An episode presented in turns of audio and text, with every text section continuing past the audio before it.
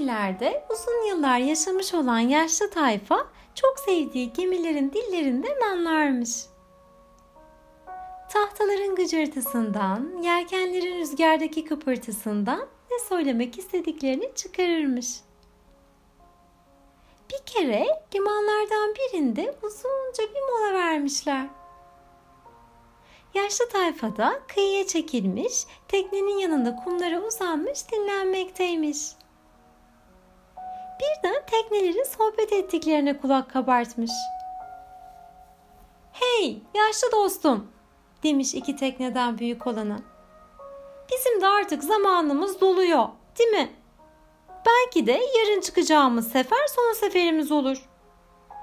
Aslında sonunda bir yerde dağılıp kalacağız. Ben bunun denizde dalgaların arasında olmasını isterim.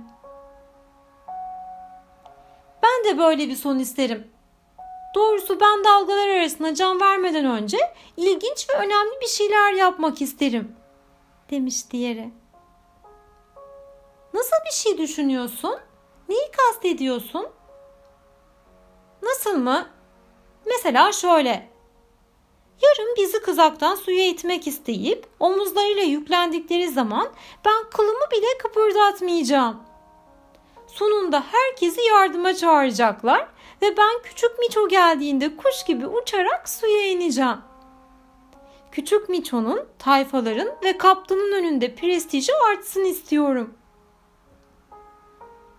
Çok güzel dostum. Hmm, dur bakalım ben de bir şey bulmalıyım kendime.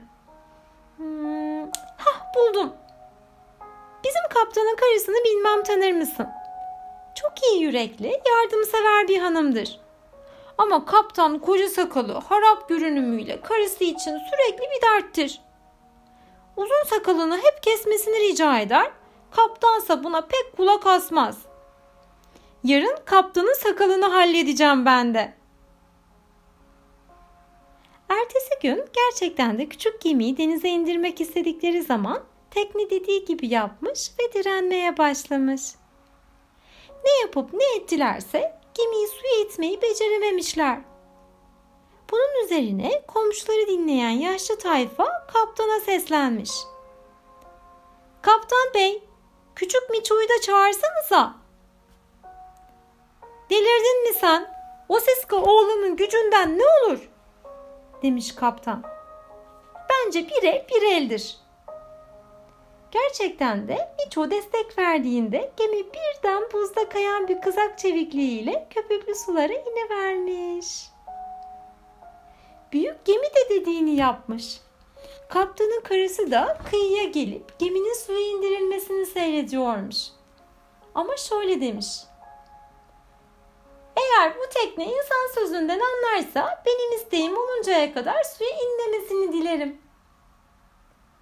Gerçekten de tekne bütün denemelere karşı kıyıda kalmış. Kılını bile kıpırdatmamış, suya doğru ilerlememiş. Kaptan karısının ne istediğini biliyormuş elbet. Sonunda pes etmiş. Bir makas bulup sakalını kökünden kesmiş. Gemi ise neşeyle suya inmiş.